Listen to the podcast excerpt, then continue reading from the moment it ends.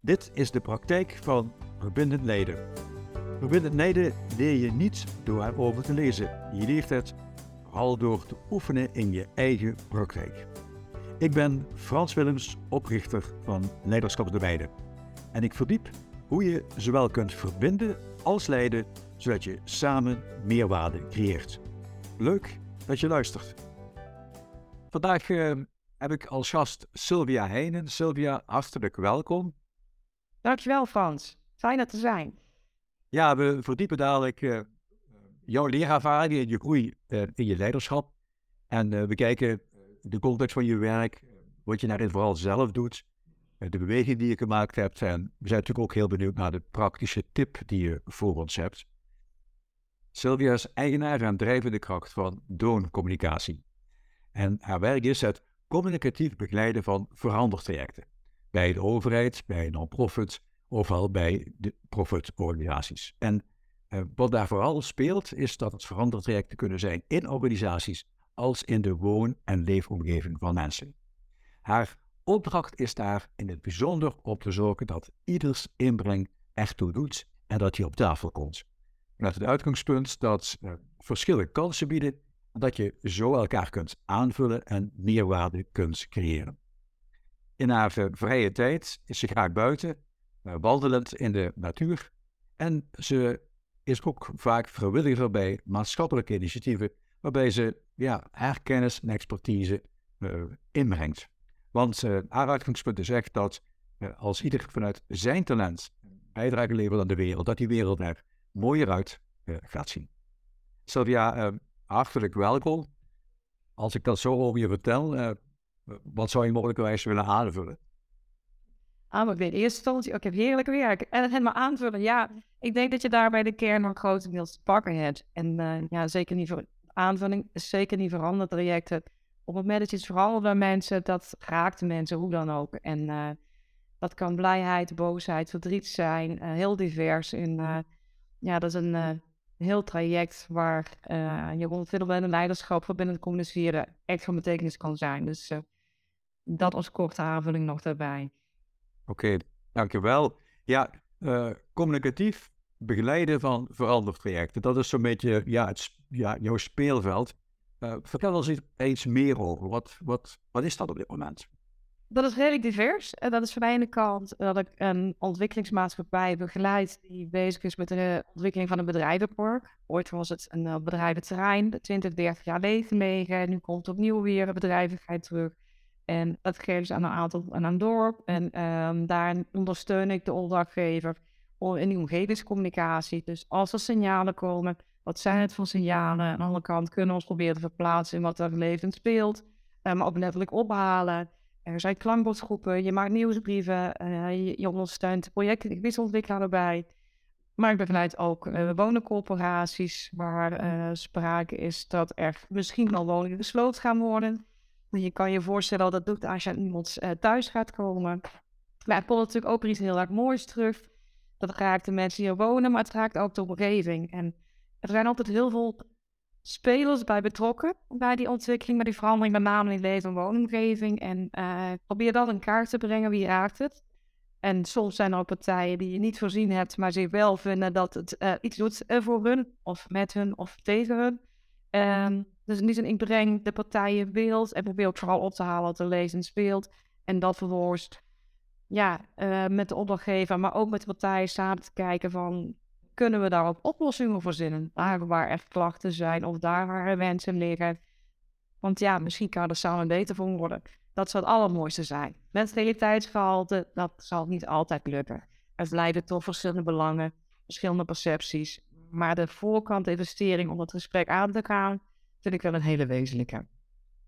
Ja, betekent dat eigenlijk dat je zegt, ja, op het moment dat, dat jij erbij betrokken wordt, ja, dan wil de organisatie ook wel echt aan de slag gaan om niet alleen te denken van nou, wij hebben een idee en dit willen we uitvoeren, maar ook van wij realiseren ons dat bij die idee gewoon heel veel mensen betrokken zijn en dat wij het echt niet allemaal kunnen weten en dat we het samen met anderen ja. Um, ja, verder moeten uitvinden hoe we dit het beste kunnen oppakken. Ja, ik heb het geluk dat ik altijd in een planontwikkelingskant betrokken ben. Dus het idee nog ver, dat ligt een groot idee en dat kan nog verder vormen. Dus er is wel wat ruimte altijd om mee te denken. Dus ja, ik word vroeg betrokken. Uh, En dan is soms wel eens even spagaat dat mensen laten wel willen dat er bij betrokken worden, maar het soms ook heel erg spannend vinden. En ja, want op het moment dat er weerstand komt, ja, dan kan wel idee ontstaan van, goh, uh, gaat ons plan dan niet wel lukken? Ja, als je die weerstand ziet als een kans om er samen beter van te worden, dan krijg je ineens een heel ander blikveld. Dus dat, uh, ja, is daarmee een hele mooie opdracht om uh, te mogen begeleiden. Ja, dat zeg je ook. Uh, ik noemde dat in mijn inleiding al. Die had mij dat verteld van om die verschillen te zien als kansen. Maar het is natuurlijk voor een initiatiefnemer natuurlijk niet gemakkelijk. Neem nu die woningcoöperatie die iets wil, of dat, die ontwikkelingsmaatschappij die iets wil. En ja, we kunnen er natuurlijk vele op, op opnoemen waarvoor dat altijd geldt. Die hebben een idee en, ja, en vervolgens kom jij en uh, je gaat met hun bepleiten. Ze willen natuurlijk zelf ook, maar jij gaat er nog een, een stapje steviger doorzetten om dat gesprek met alle betrokkenen aan te gaan. Hoe gaat dat? Want dat levert vaak toch ook die weerstand die ze misschien ervaren, tot weerstand in de organisatie zelf. Ja, en wat leuke daarin is dat als je het er met elkaar over hebt, hè, dat er ook wel begrip ontstaat. Want inderdaad, als je zegt, maar ik vind het wel belangrijk dat jullie het gesprek met mensen aangaan daarover. Dat ze ja, dan kunnen ze wel meedenken en hebben ze er wel verstand van. Uh, en ze zijn toch alleen maar tegen. Dus dat zijn dan allemaal reacties die je kan krijgen. Uh, maar uiteindelijk zijn er altijd wel openingen te creëren. Omdat het besef er ook is, ja, als je dat gesprek niet aangaat, dan blijf je niet passtellingen met elkaar zitten. Dus dat het ook een met verkennen van, oh, goh, als je dit doet of dat doet, en wat zijn er de scenarische consequenties daarvan? Dus daar, uh, ja, ik kan nog hele leuke anekdotes bij vertellen. Ik krijg spontaan hier nog bij. Uh, ja, doe dat maar. Ja, ja het kan zijn, wat dat laatst ergens, dat er een, een, een klachtenbrief binnen was gekomen. En dan kan er aan de een zucht in een organisatie. We hebben weer uh, commentaar. Het is weer niet goed en we doen ze ons best. En uh, we willen helemaal niet bagatelliseren. Uh, was het verwijt, de opdrachtgever, de problemen en bagatelliseren was. En dan vervolgens het gesprek dan intern hebt over. Maar goed, ze ervaren van overlast. Ze vinden het gewoon vervelend dat ze dan lang niet gehoord hebben. Of dat het zo lang duurt voordat een oplossing komt. Dan zie je ineens aan de andere kant op een soort ja, mildheid ontstaan. Oh, wacht even. Het gaat niet alleen over verwijten. Uh, um, en kan je ook met de klant over hebben dat je de reactie die je uiteindelijk geeft niet is van... Uh, ja, je hebt geen gelijk en ja, uh, we willen het sneller. dus die andere benadering, dat begripvol zijn voor die ander, maar ook toch ook je eigen standpunt daarin kunnen brengen. Want ik zeg niet dat je altijd volledig uh, jezelf moet wegcijferen, want je hebt ook een aantal kaders en opdrachten. Maar als je uiteindelijk die reactie, die brief die je tot terugkomt, uh, op het dusdanig niet kan verwoorden, je begrip toont voor die ander en zegt, ja, we beseffen ons inderdaad dat het eigenlijk wel heel erg lang duurt. Maar we leggen ook uit waarom dat zo is, want er zijn een aantal redenen, dan creëer je ook begrip bij beide kanten. En dat ze, ja, ik denk dat je daar, daar samen beter van wordt. Maar nu kan ik me voorstellen dat, dat er bij jou ehm, van binnenuit, ja, vanzelfsprekende drijfveer is om dat zeker te doen. Ja, ja. Maar hoe ga je nu om met, met uh, opdrachtgevers waarbij dit mogelijkerwijs een kunstje kan worden? Ja. Zo, ja. Als we dit maar doen, dan krijgen we wel onze zin. Op het moment dat je het niet oprecht meent, dat voelt iedereen ten alle tijden. Als je niet consequent in dat gedrag uiteindelijk bent en niet oprecht het gesprek wilt aangaan, dat gaan mensen voelen. Dat werkt niet in je voordeel. Dus daarin, als het een kunstje wordt, stel dat het een kunstje wordt en uiteindelijk een heel ander teneur gaat worden, ja, dan ben ik ook wel zo strikt, dan ben ik gewoon niet de partij om te ondersteunen. Dan ga ik heel rigoureus de andere kant op. Ik heb ook mijn eigen kaders erin. Maar dat geldt voor opdrachtgevers ook. Hè. Ik wil dan niet gesprekken of dat, je zit in een kunstje. Um, als er ruimte is, dan geef je die ruimte. Als die ruimte er niet is, dan haal ik hem even aan het bedrijvenpark toe. Er is al lang beleden keuzemarkt, er komt een bedrijvenpark. Dat is geen punt van discussie meer. En daarom mag je ook heel duidelijk zijn met elkaar. Van ja, we gaan graag met elkaar het gesprek aan. Maar dat gaat niet over het vraag, komt hier wel of geen bedrijvenpark. Je kunt wel meepraten over de groenenrichting. Je kunt meepraten over uh, het toegangswegen. Welke bomen we gaan planten. Of misschien andere ideeën qua recreatief gebruik. Ja, ik probeer wel te voorkomen een kunstje woorden over de opdrachtgever helder te hebben van hey, waar is die ruimte dat mensen wel mee kunnen denken. Ja, ja dus daarmee geef je ook tegelijkertijd ook wel aan de andere wat ruimte voor. Er zijn een aantal dingen niet onderhandelbaar en daar moeten we duidelijk over zijn. Ja. Vervolgens kijken we waar die, waar die andere ruimte dan zo is. Ja. Wat, wat is mogelijk in die jaren voor jou veranderd bij, bij opdrachtgevers? Zie je daar een een beweging en hoe men in dit soort verandertrajecten zit. Ja, en dan wil je specifiek bij de opdrachtgever zelf. Ja, Ja, zeker. ja dat is heel divers. De ene de opdrachtgever heeft er van nature in zich eh, om, om die, dat luisterend oor te hebben. En voor de ander vindt het heel erg spannend. Dus eh, het is ook echt mensenwerk. Hè? De ene is daar heel, die denkt van ja, het is ook logisch dat we het gesprek aangaan of dat we informatie delen of ophalen. Ehm, wat je nu wel ziet in de praktijk, er komt nu een nieuwe wet aan. En daar waar het voorheen, denk ik vanuit knalberschap, hè, dat je het, contact gewoon zoekt met je spelers in het veld waarmee je te doen hebt, wordt het zo meteen een verplichting bij wet. Die wet is ook niet doorgevoerd. En daarmee kom je misschien ook een stukje op terug op het verhaal dat jij aangaf van ja, wat als het een kuntje of een moedje wordt. Dus daar zit wel een verandering in. Eh, maar binnen het opdrachtgeversveld is het besef er wel om, inherent ook hoe de hele maatschappij zich ontwikkelt. Iedereen heeft een mening. En iedereen heeft belangen. En we zijn steeds mondiger geworden. En eh, dat besef wel om, dat kan je niet meer negeren. Daar waar het 20 jaar geleden misschien makkelijker was van ja, we hebben een idee, we voeren het gewoon uit. En gaat je het niet minder makkelijk lukken.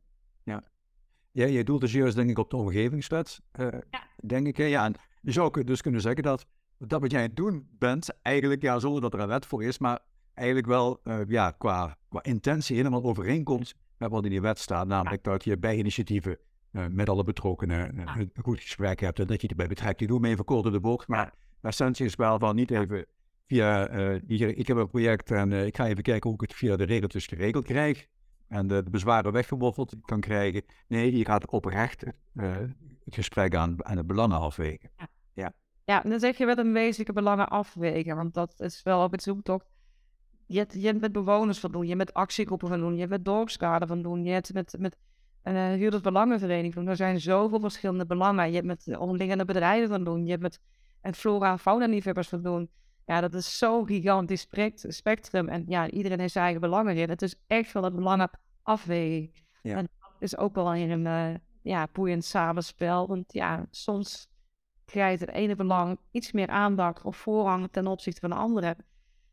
Ja, ja. en eens een, een voorbeeld geven van zo'n belangenafweging die je wel, ja, die jou wel geraakt heeft of die je mooi vond om te zien. Ik vond een tijd terug een traject uh, met een Limburgse gemeente. Dat was een een commerciële partij had. En in de raadsvergadering, want het onderwerp werd in de raadsvergadering ingebracht. En wat ik toen ontzettend mooi vond, vanuit de politieke kant trouwens, bestuurde kant. Er waren ook mensen weten die tegen het plan waren. En waren handtekeningen opgehaald en die werden daar gepresenteerd. En want dan het, ja, het raakt gewoon mensen. En dat vind ik mooi, hè, dat mensen dat delen, dat het raakt. Maar wat ik qua belangenafweging mooi vond, daar werd ook vooruitgekeken naar de omgevingswet. En dat het bestuur uiteindelijk zei, we horen jullie zorgen, we horen jullie vrees over verkeersoverlast, geluidsoverlast, het aantal mensen wat er gaat komen. Maar we hebben meerdere belangen af te wegen. Het gaat ook om een economisch belang, een plattelandsbelang. Uh, de sector, de agrarische sector moet zich verder ontwikkelen. Dus het kan dus zijn uiteindelijk in die belangenafweging dat wij uh, ervoor lief nemen dat er inderdaad iets meer verkeer gaat komen. En dan gaan we kijken wat de beste oplossing kan zijn. Uh, dus ik vond het een hele mooie, dat ook eens vanwege de omgevingswet, waar soms een misverstand kan ontstaan. Van, hey, als wij tegen zijn, ja, dat ik hem even zo plat zeg, maar als we tegen zijn, dan krijgen we gelijk. Dat is niet de insteek van omgevingswet ook.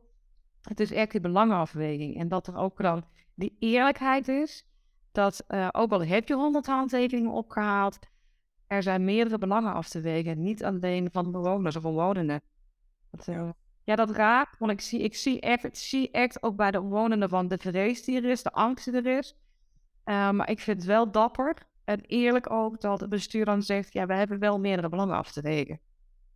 Oké, okay. ja, mooi. Mooi ook om te zien dat uh, jij daar een rol in vervult, hè, door ervoor te zorgen dat ja, je die belangen ook echt op tafel krijgt. En dat je daar bewust naar op zoek gaat en vervolgens ervoor zorgt dat je ja, die allemaal in het speelveld erbij krijgt.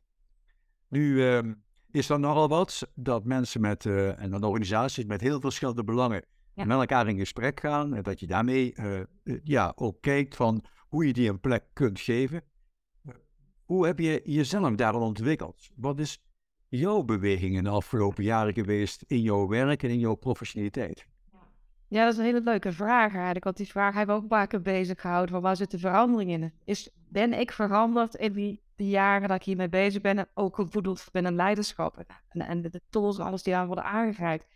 En ik denk dat ik me nog bewuster ben geworden van uh, wie ik wil zijn. En uh, vooral uh, met aanvullend te gaan ook de, de praktische handreiking heb gekregen daarbij van om dat consequent door te trekken. En ik zeg niet dat het altijd lukt, ik moet dat, maar vooral bewuster worden en ook daar aanlegtig in worden om dat kunnen toe te passen. En dan, voor mij zijn er een aantal dingen die er heel belangrijk zijn. Dat, dat, dat respectvolle manier met elkaar omgaan. Ik zeg dat echt een wezenlijk. Dan bedoel ik niet in de zin van uh, met ontzag of uh, status of op welke manier ook, maar hoe ga je met elkaar om? Dus als je open staat voor verschillende meningen. De verandering bij mij, waar echt wel een verandering beweging in zit, is uh, ik kon best wel wat aannames hebben. Je kan van de ene kant zeggen inlevingsvermogen, maar het, zijn ook soms aannames. En om daar uit te blijven, of aan de andere kant, als je hebt te toetsen, er zit ook echt wel een beweging in. Tegelijkertijd los van die blik op de ander, ook richting mezelf van ja, ik heb zelf ook mijn eigen wensen en mijn eigen grenzen. Om dat ook gewoon ook een plek te kunnen blijven geven. Dus dat, uh, ja, nog bewuster van mezelf, maar ook juist van die ander en uh, hoe breng je dat bij elkaar. Ja, dus um, be bewustzijn van jouw eigen rol en hoe je die invult. Ja. daarbij voorkomen dat je in die valkuil komt, dat je al aannames hebt, waardoor je al, al voor de ander gesproken hebt en eigenlijk niet meer, niet meer open staat. Uh, is dan dus een hele belangrijke. En uh, die andere belangrijke is dat je dus ook ja, je eigen grenzen hebt. Van de andere kant, je heel bewust bent wat voor jou de grenzen zijn. En je zei daarnet dat uh, respect voor elkaar zo belangrijk voor jou is. Wat betekent dat voor jou? Het is de manier, even een voorbeeld pakken. Uh, op het moment dat er iets gebeurt, ik zie op social media wel eens reacties ontstaan van mensen. En dan denk ik echt, oh, ik snap dat het mensen raakt, maar waarom moet je een ander schofferen? Waarom ga je scheldwoorden gebruiken? Of waarom ga je iemand te kijken zetten? En ik denk, je kan best boos zijn, je kan het best ergens niet mee eens zijn. Maar de manier waarop je daar uiting aan geeft, kan op een nette manier. Ik kan boos zijn. Ik kan mijn boosheid ook zeggen door zonder heel boos te reageren. En kan toch een punt duidelijk maken. Dus dat ja, op een manier, het betekent, het is, ik kan het ook niet altijd even goed uitleggen, maar dat raakt me wel als ik zie dat mensen uh, niet respectvol met elkaar omgaan. En natuurlijk is dat voor iedereen anders. Hè? uh, wat ik respectvol vind, moet een ander niet te vinden. Maar uh, vloeken, tieren, schelden, ja, ontstapt mij ook wel eens een keer woord, maar ik mag hopen niet in de gesprekken. Je hebt je gezegd van nou, dat, is een ontwikkeling die ik gemaakt heb. Ik word bewuster van ja, wat ik doe, bewust van als ik aannames maak, bewust van uh, hoe, hoe, hoe, breng ik met, mezelf in, mijn eigen grenzen, mijn eigen kaders in, zoals bijvoorbeeld ook respectvol zijn voor de ander. Hoe, hoe was dat dan vroeger? Wat kon dan gebeuren op het moment dat je nog niet zo bewust daarvan was? Laat ik het zo uitdrukken. Maar ja, dat zijn heeft er altijd al in gezeten. Dat is ons thuis met de paplepel ingegeven. Maar ik kon wel eens drammerig zijn. Ik kon wel eens overtuigd zijn van mijn eigen gelijk. En uh, dat ook geef ik sterk inbrengen. Dus daar, uh, ja, ik zie gewoon, ik zie een oplossing, dus dat is hem even veel ja. in gezegd. En um, dat kan ik trouwens nog steeds hebben. Dat hangt nog een beetje van mijn positie en mijn rol af die ik heb. Uh, en de setting waar ik in zit. Maar ja, ik kon wel eens eigenwijs zijn. Kan ik nog steeds zijn, maar er zit meer mildheid in. Dus daar... Ja. Dus eigenlijk is die beweging dan nog eentje geweest waarin jij de waarheid en pracht had zo. Even heel daaruit ging ging je dromen, hè? hij ging overtuigen naar, naar nu dat je bewust bent, ik moet uitkijken voor het doen van aannames. Ik moet me wel realiseren en heel goed bewust zijn van wat ik zelf als, uh, als, als uh, punt heb, wat, wat voor mij hartstikke duidelijk is en wat ik wil inbrengen. Maar dan doe je dat meer verkennen dan dat dat gaat in de zin van, uh, ik ga jullie even vertellen hoe het, hoe het allemaal in elkaar steekt. Oh, ik zal niet school mijn eigen mening onder stoelen banken te steken, maar het is echt de verkenning aan de voorkant. Daar zit echt meer die, die grootste verandering, denk ik, van ja, je luistert weer zoals ze gaan. Wat is er echt aan de hand? Die ja. Zeggen, en, ja, uiteindelijk zal mijn mening, of als het al is, op een of andere echt op tafel gaan komen, maar uh, het kan best zijn, we hadden gisteren een gesprek, was zeker wel heel erg leuk, uh, waar je op voorhand denkt van, hey, welke kant gaat het gesprek op? En uiteindelijk kom je een hele andere oplossing uit. Denk, oh, dat vind ik prachtig. Denk, ja, als je dus dat loslaat, dat die, die oplossing of die richting die je denkt te hebben, dus gewoon open mind erin gaat. En dan denk ik, dan ben ik blij dat ik niet op voorhand die positie heb genomen, maar heb geluisterd eerst en dan komt een hele andere oplossing uit. Die beweging heb je zo gemaakt. Uh, zijn er daarbij nog obstakels die je daarbij uh, mogelijkerwijs van die weg afhouden, van die beweging afhouden? Ja, ja en die zitten heel dicht bij mezelf. Okay. Uh, een van mijn niet onderhandelbare dingen is hè, dat ik ochtends naar buiten ga, dat ik even ga wandelen. Ik heb gewoon het buiten zijn de natuur, ik heb die ruimte gewoon nodig. En maar dat ik dat niet doe, dan kan mijn reactie daarna hebben op wat korter zijn. Maar één die echt veel wezenlijk is, is ook uh, voldoende slaap. Op het moment dat ik niet voldoende slaap, en dan wordt plat gezegd mijn lotje korter. Uh, en dan val je terug in een soort patroon wat je eigenlijk niet wil. En uh, ja, dan kan ik kort af reageren of juist weer ineens hop erin vliegen van, uh, ik zeg even heel extreem, ik zal altijd een soort terughoudendheid hebben, maar dan word ik stelliger. Daar waar ik een andere keer makkelijker een vraag zou stellen, dat ik zoiets heb van, ja, uh, kom op nou, we gaan door. Ja. Ik zou zeer een beetje, maar de slaap, het buiten zijn en ja, suikers zijn van mij ook echt een invloed. Daar krijg ik een hele hoog energieniveau van en dan bedoel ik dat niet altijd even positief. En daardoor reageren, kan ik anders reageren. Ja, dus het is gewoon in je hele welzijn zit dat. Ja, dus eigenlijk zeg je, ja, al, ik ben eigenlijk zelf uh, met mijn instrumenten, dat instrument dat moet ik gewoon goed verzorgen. In jouw geval is dat ja. uh, terughoudend zijn met, uh, met suikers, voldoende slaap hebben en s'morgens die, die wandeling buiten maken. Ja, ja, ja. Maakt, ja. Dat maakt een wereld van verschil en daarbij kan ik ook zelf meer verschil maken. Ja, ja, eigenlijk had je zou kunnen zeggen, ja, leiding geven uh, aan anderen. Uh, ja. ja. begint met leiding geven aan, uh, aan, jezelf. Ja, zeker. Absoluut, ja. Die beweging die je zo gemaakt hebt, wat was daar een belangrijke doorbraak in? Wat leverde die doorbraak? Welk inzicht? Welk, welke overtuiging misschien of welke actie heeft je daar het meest geholpen? Um, voor mij was het meest typerende eigenlijk van het stellen naar het vragen stellen. Ik denk dat we even zo het beste kan samenvatten. Oké. Okay. Van stellen naar vragen stellen. Ja, ja. En hoe help je dat inzicht nu nog? Heb je dat ergens uh, opgeschreven of uh, uh, staat het op een plankje? Of? Nou ja, er zijn wel een aantal one-liners die je door de tijd heen voor jezelf vasthoudt. Inderdaad, van vragen stellen, maar ook ruimte nemen en geven. Dat is echt ook een wezenlijke trouwens erin. Ja. Uh, dan bedoel ik niet alleen in het tijd zijn, maar ook in, in ja, openstaan voor die ander en mezelf erin. heel praktisch voorbeeld. Het echt een heel vreemd voorbeeld, maar op het moment dat ik in een gesprek ga en ik zit in het gesprek en ik voel een tijdsdruk en ik heb wel van een agenda te gaan. Ik denk, oh, hier kom ik in een knel tijd. Op het moment dat ik dat deel en dan neerleg van, goh, we hebben nog een aantal punten te behandelen, maar ik zie ook dat we zoveel tijd hebben. Hoe gaan we hiermee om? En dat is een wereldverschil te zeggen van, oh, stop nu hier. En uh, dat andere doen we volgende keer. Uh, dus het is ook het aardig stellen en anderen deelgenoot maken van dat wat je deed. En daarmee ja, een ruimte creëren ook. Dus daar uh, zit het ook heel de hele ja, inclusief de praktische dingen wat ik geleerd heb afgelopen jaren. En is dat niet het risico dat um, daardoor alles langer gaat duren? Kijk, als je, stel, als je gelijkstellend bent, dan uh, is het ook duidelijk als je vragen gaat stellen, dan, ja, dan, dan is er een verkenning en dan vraagt het aandacht. Uh, hoe zie je dat? Is dat, niet, is dat niet een bezwaar dat het lang kan duren? Ja, maar die keus maak je tijdens gezamenlijk. Ik heb een tijd terug een, een, een, een coalitie. Uh, evaluatiegesprek was dat en dan kwam heel iets anders op tafel dan überhaupt op de agenda hoort te staan. En toen stond ik voor het dilemma. Dat, ja, ik heb een opdracht gekregen om deze agenda af te handelen samen. Uh, maar het punt was, emotioneel levert het zoveel weer. Ja, het levert er zoveel op. En in de relatiekant onderling. En dat ik het eigenlijk gewoon neer heb gelegd. Een korte pauze hadden neer heb gelegd. Van, ik zie dit nu hier ontstaan. We hebben een bepaalde ambitie hoe we met elkaar willen gaan werken. Maar dit punt roept zoveel op dat we denk ik niet dat die volgende punten kunnen gaan komen. Of dit, als we dit niet eerst behandelen, hoe gaan we hierbij om? Wat willen jullie? Zeg het maar. Gaan we het bij de kop pakken of gaan pakken het ook de agenda terug? Ik laat die keuze aan jullie. Jullie zijn mijn opdrachtgever. Dus kost het meer tijd. Op dat punt is wel het gesprek op dat specifieke gevoelige punt gepakt geworden. En um, dat was moeilijk, pijnlijk, lastig in de setting, in de relationele kant. Maar heeft wel ook echt weer uh, helderheid geschaft. En die andere punten uiteindelijk kregen toch nog een plek, want we hebben er nog wat tijd naartoe kunnen voeren. Dus ja, uiteindelijk kost het soms weer tijd. Ja, het kost soms weer tijd. Maar uiteindelijk kan het wel een proces verder brengen.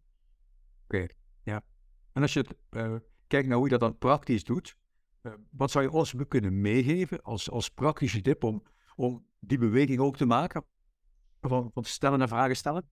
Oh, oefenen vooral. Ja, het is, het is, het is, het, ja, ik vind dat van te stotteren. Maar, ehm, stel dat je merkt dat je wilt gaan stellen, pak even de rust en kijk even hoe je het zwaar kan gaan formuleren. Of, of het eerst aan de andere kant. Als ik denk, het moet blauw zijn, kan ik voor mezelf de vraag stellen, oh, moet het wel blauw zijn? Of ik kan de vraag stellen, welke kleur zouden we moeten gaan kiezen? Ik, ik pak even naar de een van de staarden. Ja, is het soms even tot tien tellen misschien? En vooral ook oefenen, want daar uh, zit best wel een uitdaging in. Inmiddels is het zo, dus ik aan de andere kant, mijn man wordt af en toe gek van mij vragen, want ik blijf maar vragen. dus daar is het ook wel weer de balans zoeken van waar zo bent, dat je stopt met vragen stellen en uh, ja. Dus ja, zo van, het hoeft niet altijd. Uh, nee, het hoeft niet altijd, nee. Overal, maar op het moment dat, het, um, dat je merkt dat die diversiteit aan belangen waarschijnlijk aan bod komt en, en ertoe doet, dat is het zo waardevol om juist die positie te kiezen. En dat is eigenlijk het verhaal wat je daarin vertelt. Um, ik dan nog bij mee wil geven, is het, wat misschien ook kan helpen, is een, een, een nieuwsgierigheid. Om dat als beeld even vast te houden van ben gewoon continu. Dat kan ook helpen in het vragen stellen. Je noemt net het oefenen als een belangrijk eh, aspect. Nou, daar kan ik alleen maar toejuichen natuurlijk. Hoe zou jij dat van jouw kans uh, mee willen geven aan, uh, aan de luisteraar of de kijker? wat die morgen al, ja, wat, wat kunnen we morgen al doen? Ja, ik denk dat een hele fijn is als je gewoon voorbereidt op wat, stel dat morgen, ja, wat kan je morgen anders doen? Dan pak een bepaalde situatie die er aankomt, een gesprek of een ontmoeting. Uh, maakt trouwens niet uit of dat werk privé is. Hè? Ieder moment is er één om te oefenen. Pak die gewoon even op je netvlies en uh, bedenk voor jezelf van waarom ga ik dit gesprek doen en wat wil ik eruit halen? En hoeveel ruimte is er überhaupt nog? Dus bereid het gewoon voor. Gewoon opties verkennend. En als je merkt dat je in een stellende positie dreigt te komen, of je denkt, oh, ik wil die oplossing eruit halen, zet even een stap terug. Oké, wat wil ik wel eruit halen en wat staat nog open? Dus ja, wat is het dan de meest praktische mogelijk? Goh, leuke vragen. Um, Pak even gewoon een mantra in je hoofd van ik ga in dit gesprek zoveel mogelijk vragen stellen. Oké, ja. De eerste drie dingen die ik doe, zijn alleen maar vragen. En dat zie je gewoon als, als de oefening die je gaat doen. Ja, en ik, ik merkte wel, je, je zei al van ja, weet je, dan is het goed om voor te bereiden en te weten wat voor jou niet onderhandelbaar is, wat, je, wat, wat voor jou de kaders zijn, dat is allemaal prima natuurlijk. En het is ook goed om voor te bereiden dat je weet als een gesprek niet gaat zoals je bedacht, dat je niet dat doet wat je wil, dat je weet hoe je daarop kunt Ehm, ehm, eh, reageren. Maar eigenlijk zeg je van nou, misschien is wel de beste oefening gewoon uh, in eerste instantie eens eerst een gesprek ingaan. En de eerste drie dingen die je doet zijn drie vragen stellen om op die manier de oefening te beginnen. En dan later uh, ja, te verfijnen. Ja. Nou, oefenen. Het blijft echt oefenen. Dus in die zin, ik blijf erop leren. En dat betekent ook niet dat het uiteindelijk uh, je blijft er fijner verdiepen daarin. Ja. Nou, Sylvia, dankjewel voor, uh, voor dit gesprek. Je hebt ons nu mooi meegenomen in het werk wat je doet, waarbij je ja, die, wat dat communicatief begeleiden van de verandertrajecten ook inhoudt. Dat daarbij zo belangrijk is dat, dat iedereen ertoe doet dat je dat niet als uh, verschillende opvattingen niet als weerstand ziet, maar dat je die dus bij elkaar probeert te brengen. Uh, ook dat dat eigenlijk dus geen kunstje is, maar dat dat echt iets is wat je van binnenuit ja, moet willen. En dat uh, jouw rol er vooral ook eentje is om uh, die belangen die er dan zijn, om die een plek te geven en ja, te stimuleren om te komen tot een belangenafweging. En dat ja, de manier waarop je dat doet, eigenlijk iedere keer ook in allerlei ontmoetingen gebeurt, zodat je ja, niet in de verleiding komt om al aannames te hebben, maar dat je in staat bent om met anderen te gaan verkennen. Niet vanuit jouw waarheid, maar te verkennen van wat er allemaal op tafel uh, is en zou moeten komen en dat ze bij elkaar te brengen. En uh, nou ja, die praktische tip, die, die kunnen we gewoon zo direct meenemen, want die is, althans in theorie, buitengewoon eenvoudig. Ja. Silk, het eerst volgende gesprek met drie vragen die, die je stelt. Sylvia, het is zo dat ik denk dat in deze tijd, waarbij er veel dynamiek is, veel verandering, veel complexiteit, blijven leren wel ja, vanzelfsprekend is en nodig is. Ik denk dat daarvoor reflectie, feedback en oefening cruciaal is. En jij hebt ja, een voorbeeld laten zien, denk ik, hoe je dat kunt doen. En die praktische tip, drie vragen stellen bij het eerstvolgende gesprek, die nemen we natuurlijk mee naar uh, misschien dadelijk al of anders naar uh, morgen of de komende week. En dankjewel. Leuk dat je luistert naar de praktijk van verbindend leiden. Door op volgen te klikken, abonneer je je vanzelf op deze podcast en zie je automatisch wanneer ik een nieuwe aflevering plaats. Ben je benieuwd hoe verbindend jij bent als leider? Doe dan de test op www.leiderschapsdomeinen.nl en ontvang de tip waarmee je direct zorgt voor meer verbinding. Creëer de beweging die je beoogt. Begin bij jezelf en doe het samen. Want laat Sylvia toch mooi zien dat je als leider al die verschillende opvattingen niet moet zien als weerstand, maar moet zien als belangen. Belangen die ervoor doen en waarvan het belangrijk is dat je die met respect afweegt. Dit is het vijfde van 13 interviews die ik gehouden heb met leiders en professionals over hun praktijk van verbindend leiden. Je kunt alle informatie over deze aflevering teruglezen op www.leiderschapsdomeinen.nl slash podcast 5. Dat is gewoon het cijfer 5. Dus www.leiderschapsdomeinen.nl slash podcast 5. In de volgende aflevering praat ik met Edith Jacobs. Zij is gemeentesecretaris bij de gemeente Granendonk. En met haar verdiep ik waarom je niet zonder feedback kunt bij verbindend leiderschap.